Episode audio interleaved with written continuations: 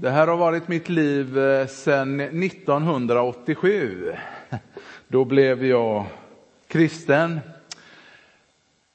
Och man kan väl säga att jag växte upp i den här atmosfären och eh, jag mötte mängder av människor som sa Hej Johan, vad roligt att se dig idag. Uppmuntrade mig på olika sätt och vis. Det har jag ju sagt innan. Att jag stod på stapplande ben här framme och bad böner och ja, försökte ibland vara som de där andra som såg lite duktigare ut. Eh, men de uppmuntrade mig ändå, trots mina tafatta försök. Och eh, med åren så sa jag, nej men jag vill också bli en kristen. Och mycket tack vare de här uppmuntrande orden. Barnabas människorna. Tröstens son som han kallades. Han uppmuntrade och jag mötte många under mina dagar som uppmuntrade mig och som ledde till att också jag blev en kristen. Vi befinner oss i apostlagärningarna som är berättelsen om vad Jesus fortsätter att göra från himlen genom sin kyrka på jorden, genom oss. Alltså detta är på riktigt, det är live. Den himmelska gudstjänst som pågår parallellt med oss, den är på riktigt. Och vi får vara en del utav den här och nu. Rubriken för min predikan är ett nytt namn, ett nytt liv. Eller vad menar vi med ordet kristen? För du kanske är här idag, som är här för första gången, eller inte vet så mycket om vad det här med att vara kristen, vad det innebär. Då hoppas jag att dagens predikan klargör någonting mer utav detta för dig. Dagens predikotext återfinns i Apostlagärningarnas elfte kapitel och jag tror att den kommer upp på väggen här, annars så får du lyssna. Vi läser ifrån den nittonde versen. De som hade skingrats genom förföljelsen som började med Stefanus kom ända till Fenikien, Sypen och Antiochia. Och de förkunnade ordet endast för judar. Men bland dem fanns några från Sypen och Kyrene och när de kom till Antiochia började de tala även till grekerna och förkunna evangeliet om Herren Jesus. Och Herrens hand var med dem. Ett stort antal kom till tro och omvände sig till Herren. Ryktet om detta nådde församlingen i Jerusalem och man sände då Barnabas till Antiochia. När han kom dit och såg vad Guds nåd hade gjort blev han glad och uppmanade dem alla att hålla sig till Herren av hela sitt hjärta. Barnabas var en god man, fylld av den helige ande och tro, och en stor skara fördes till Herren.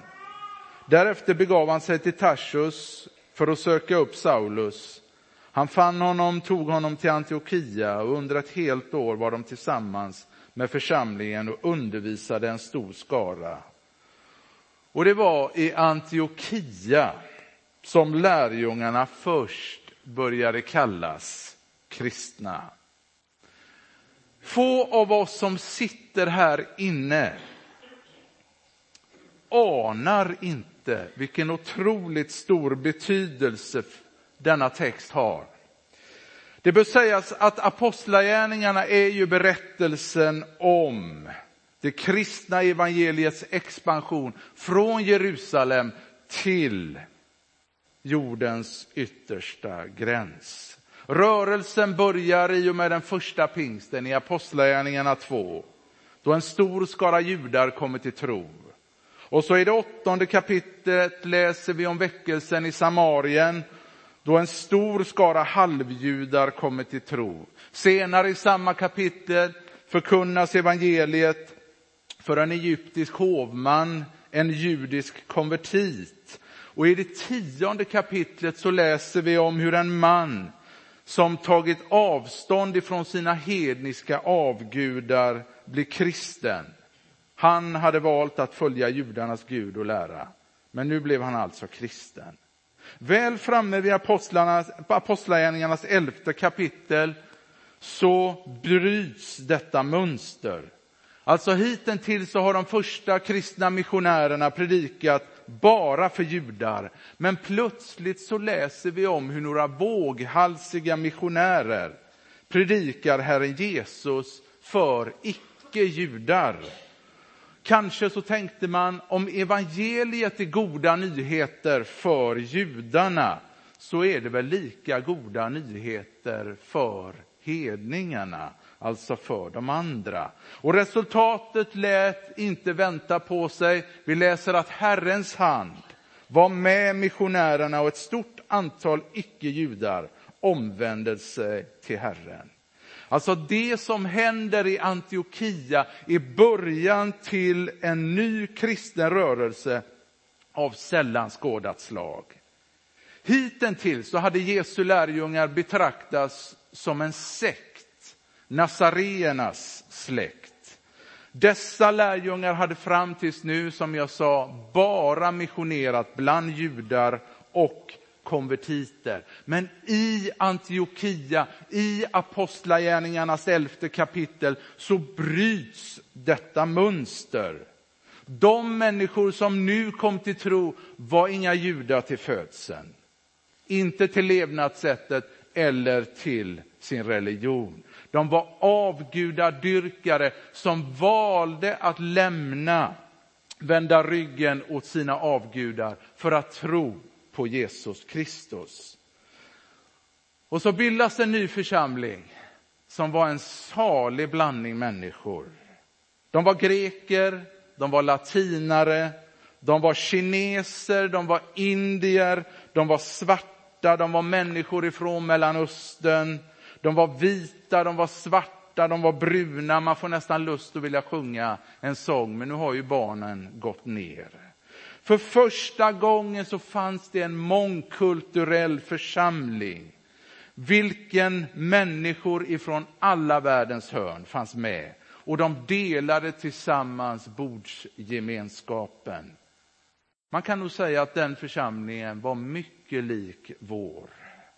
Denna saliga blandning av människor hade en sak gemensamt. Tron på Jesus Kristus. Därför kom man att ge dem ett nytt namn. Man kallade dem kristna. På grekiska, Christianus. Jag vet inte hur bekant du är just med den kristna tron, men den bibel som vi tror på, som vi läser, den var till början, och då pratar jag om Nya testamentet, skrivet på grekiska. Därför blir det ibland under predikan en del grekiska ord. Det grekiska ordet för kristen var Christianus. Detta ord består av två delar. Det första ordet var Kristus, som på grekiska betyder den smorde, Messias, Kristus. Den andra delen av ordet var Ianus. Det var latin och det användes för att beskriva en människa som var slav i ett stort hushåll. Att bli kristen, Christianus, innebar att bli en slav och innebär att bli en slav i Jesu Kristi rike. Att träda in under hans ledning och att ställa sig till hans tjänst. Och vi läser att de börjar kallas kristna. På grekiska, krematisso, kristianoi. Det grekiska ordet för att kalla, krematisso, beskriver vad en människa ägnar sig åt. Alltså vad en människa ägnar sig åt på sitt arbete, om man nu har något. En person som bakar bröd på sitt arbete, anar vi någonstans, ja men han är nog bagare, eller hon. En person som ägnar sig åt att måla, anar vi ju, eller förstår vi, är ju antingen konstnär eller målare. Det är den innebörden som vi har här i texten. Det är exakt vad bibeltexten säger här om dessa kristna. Dessa människor fick sitt namn på grund av vad de gjorde. Deras uppgift var att tjäna Kristus. De var Kristus-anhängare, följare av Kristus. De var likstämmiga med Kristus.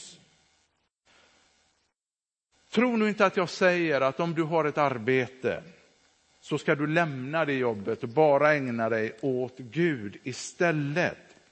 Har du ett arbete, för det är ju inte alla som har det, så ska du naturligtvis använda det till att tjäna Gud.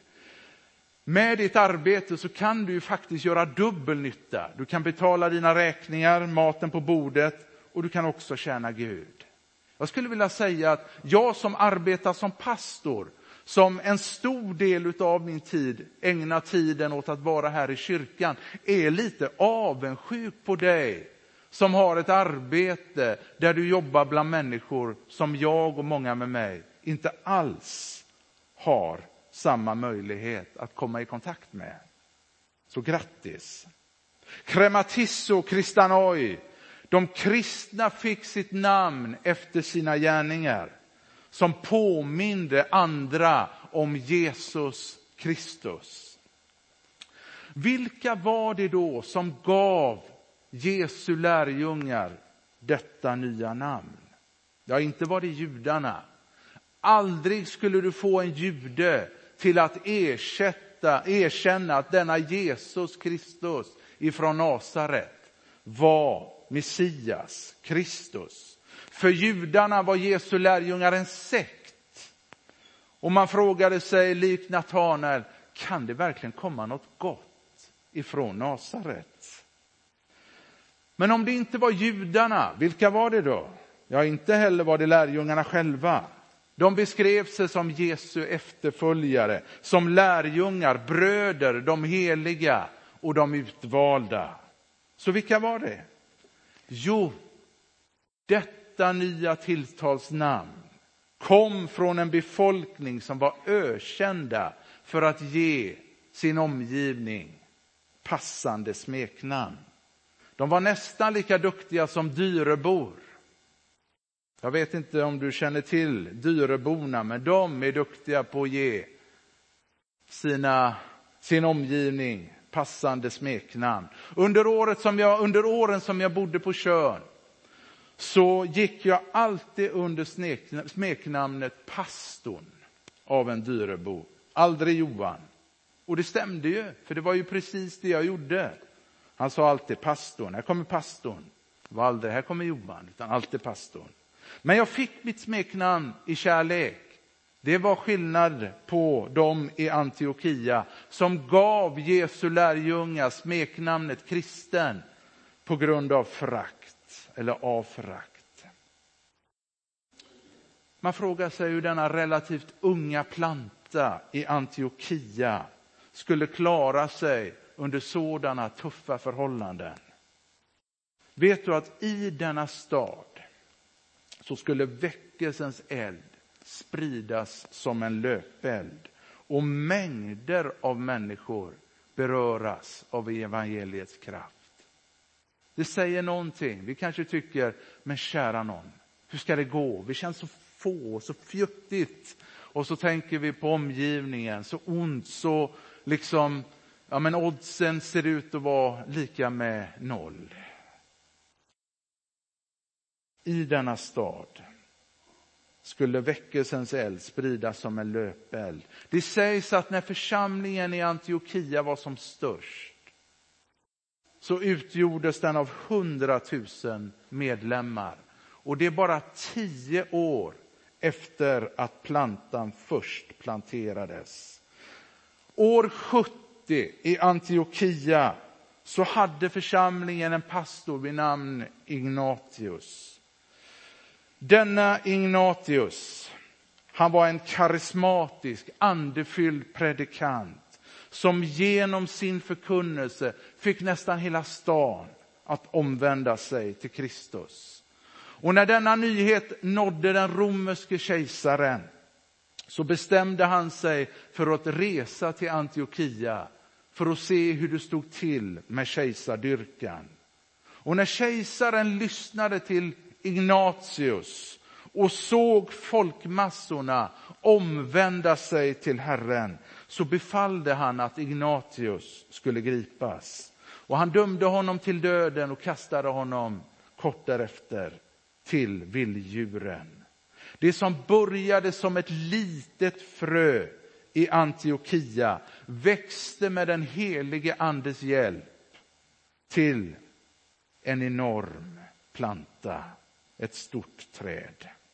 Det lilla vi sår idag kan bli någonting stort imorgon.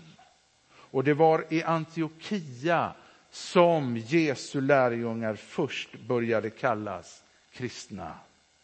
Eftersom de kristna inte kunde hålla tyst om sin tro på Kristus utan predikade honom varhelst som de kom, så fick de detta smeknamn. Kanske frågade man sig, vilka är dessa människor?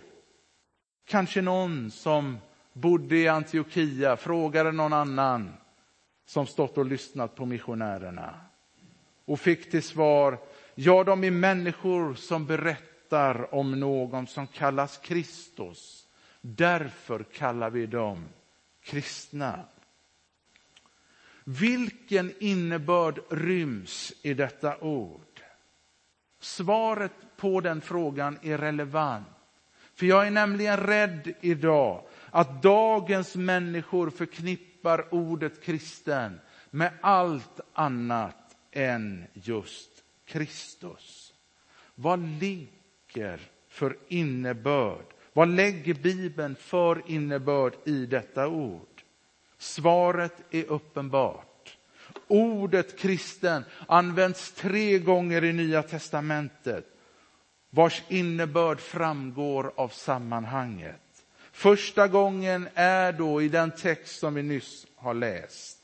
En kristen är enligt detta sammanhang, denna bibeltext, någon som har kommit till tro och omvänt sig till Herren och som håller sig till Herren av hela sitt hjärta. Dessa människor läser vi var tillsammans och blev undervisade i Guds ord.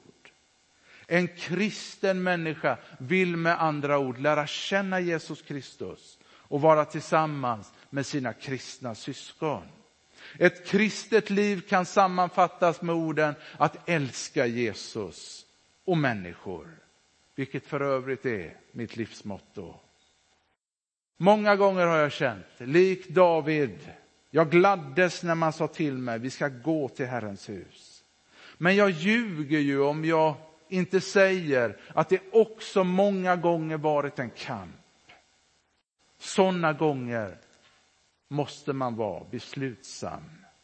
Att vara kristen innebär att överlåta sitt liv till Jesus Kristus i hans händer, hans ord och hans folk. Andra gången som ordet förekommer i Nya testamentet är i Apostlagärningarnas 26 kapitel. Och vi kanske får upp de orden här. I detta sammanhang så försvarar Paulus sitt liv inför kung Agrippa och vittnar för honom om sin omvändelse. En kristen människa är en människa som har mött Jesus och som vill berätta om sin omvändelse för andra.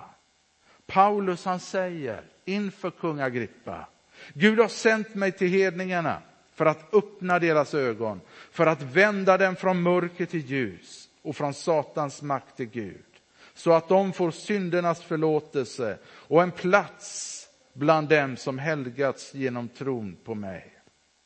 Och han fortsätter, jag har predikat, även ute bland hedningarna, att de ska ångra sig och omvända sig till Gud och göra gärningar som hör till omvändelsen. Varpå kungen svarar, snart övertalar du väl mig att bli kristen. Att bli kristen är att bli del av en rörelse som vill ge trons dyrbara gåva vidare till andra. När Paulus mötte Jesus på Damaskusvägen så frågade han honom, vad vill du att jag ska göra? Varpå han blir del av en rörelse som får uppdraget att gå ut i hela världen, alltså också vi, att predika syndernas förlåtelse och ett nytt liv genom tron på Jesus Kristus. Tredje och sista gången som ordet förekommer i Nya testamentet är i Petrus första brev. Petrus han skriver, om någon får lida som kristen ska han inte skämmas utan prisa Gud för det namnet. På ett annat ställe så står det, så kommer alla som vill leva gudfruktigt i Kristus att bli förföljda. Likaså, mina älskade, var inte förvånade över den eld som ni måste gå igenom för att prövas, som om det var något oväntat som hände er. Nej, gläd er ju mer ni delar Kristi lidanden. Då ska ni också få jubla och vara glada när han uppenbarar sig i sin härlighet. Saliga är ni som hånas för Kristi namns skull, för härlighetens ande, Guds ande, vilar över er. En kristen människa är en människa som får räkna med att lida för sin tro. Men om någon får lida ska han inte skämmas utan prisa Gud för det namnet.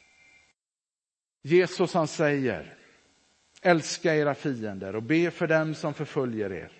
Då är ni er himmelske fars barn, för han låter sin sol gå upp över det onda och goda och låter det regna över de rättfärdiga och orättfärdiga. På vår vandring genom apostlagärningarna så har vi idag besvarat frågan, vad innebär det att vara kristen? Och Bibelns svar är uppenbar. En kristen är en människa som tror på Jesus Kristus. De är Kristus tillvända och följer honom i tro, lära och liv. De älskar att vara tillsammans med de heliga. Vi sa att en kristen är en människa som tror på Jesus Kristus. De är Kristus tillvända och följer honom i tro, lära och liv. Att vara kristen är att älska Jesus och människor. Även om vi blir hånade av människor och förlöjligade. Alltså ordet kristen kanske har en negativ klang för människor där ute, men för oss här inne som tror på Jesus Kristus är det en stolthet, en glädje och en ära. Men jag vet inte, kanske är du här idag som känner allt annat än glädje i tron. Kanske har någon fått dig att tro att du är någon annan än den du faktiskt är i Kristus. Kanske är det någon eller något som har hänt under, din, under ditt kristna liv som har fått dig att tro. Du har fått tankar in i dig om att du är någon annan, negativa tankar. Som ständigt upprepar sig och säger, jag är inte alls så fin och underbar som Jesus säger att jag är. Då är du på rätt plats. Det är många Barnabas människor här inne som vill hjälpa dig. Ge tröst och uppmuntran i tron. Kanske är du också här som ännu inte tagit steget att följa Jesus i tron. Då är du också på rätt plats därför att Jesus är här. Det spelar ingen roll hur din meritlista ser ut. Den kanske bara är liksom full av dåliga saker. Spelar ingen roll. Människan blir inte frälst på grund av sina gärningar utan endast av nåd. Så när vi börjar sjunga så ber jag dig att söka upp våra förebedjare kommer sitta här längst framme på den vänstra sidan och de vill gärna be för dig. Och är det så att du vill prata med mig efteråt så är du välkommen att göra det. Vi ber igen. Herre Jesus, jag tackar dig för att du är här. Herre, tack för att allt är möjligt för den som tror. Herre. Tack för att du vill möta oss. Du är här, Gud. Tack för att vi alla är i goda händer, Gud. För du är här genom din ande och du vill möta oss, Herre. Genom sången och genom förbönen. Tack gode Gud. Tack för att du hör bön och att du fortsätter att vandra med oss genom mötet. I Jesu Kristi namn. Amen.